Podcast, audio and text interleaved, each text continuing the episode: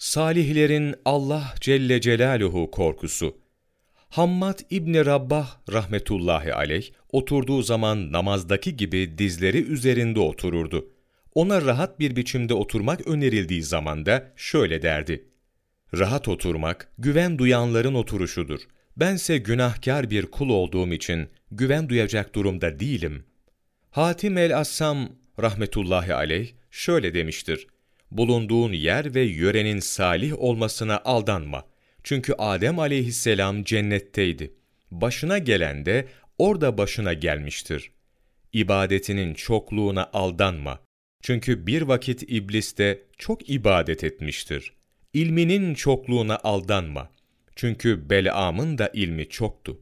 Başına gelen de buna rağmen gelmiştir. Salih kimselerle beraber olmaya aldanma. Ebu Leheb, Allah Resulü sallallahu aleyhi ve sellemin akrabası, Ebu Cehil de onun komşusuydu.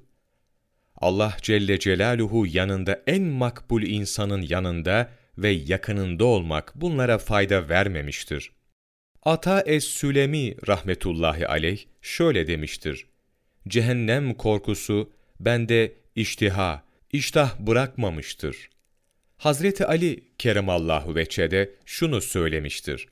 Allah Resulü sallallahu aleyhi ve sellemin ashabı geceleri Allahu Teala'nın kitabını okuyarak ve namaz kılarak ihya ederlerdi. Allahu Teala korkusuyla gözlerinden yaşlar akar ve elbiselerini ıslatırdı. Abdullah İbni Abbas radıyallahu an şöyle demiştir. Bu dünyada nasıl sevinebiliriz ki? Önümüzde ölüm, kabir, kıyamet, sırat köprüsü ve Allahu Teala'nın huzurunda hesap verme gibi birbirinden ağır ve zor olaylar vardır.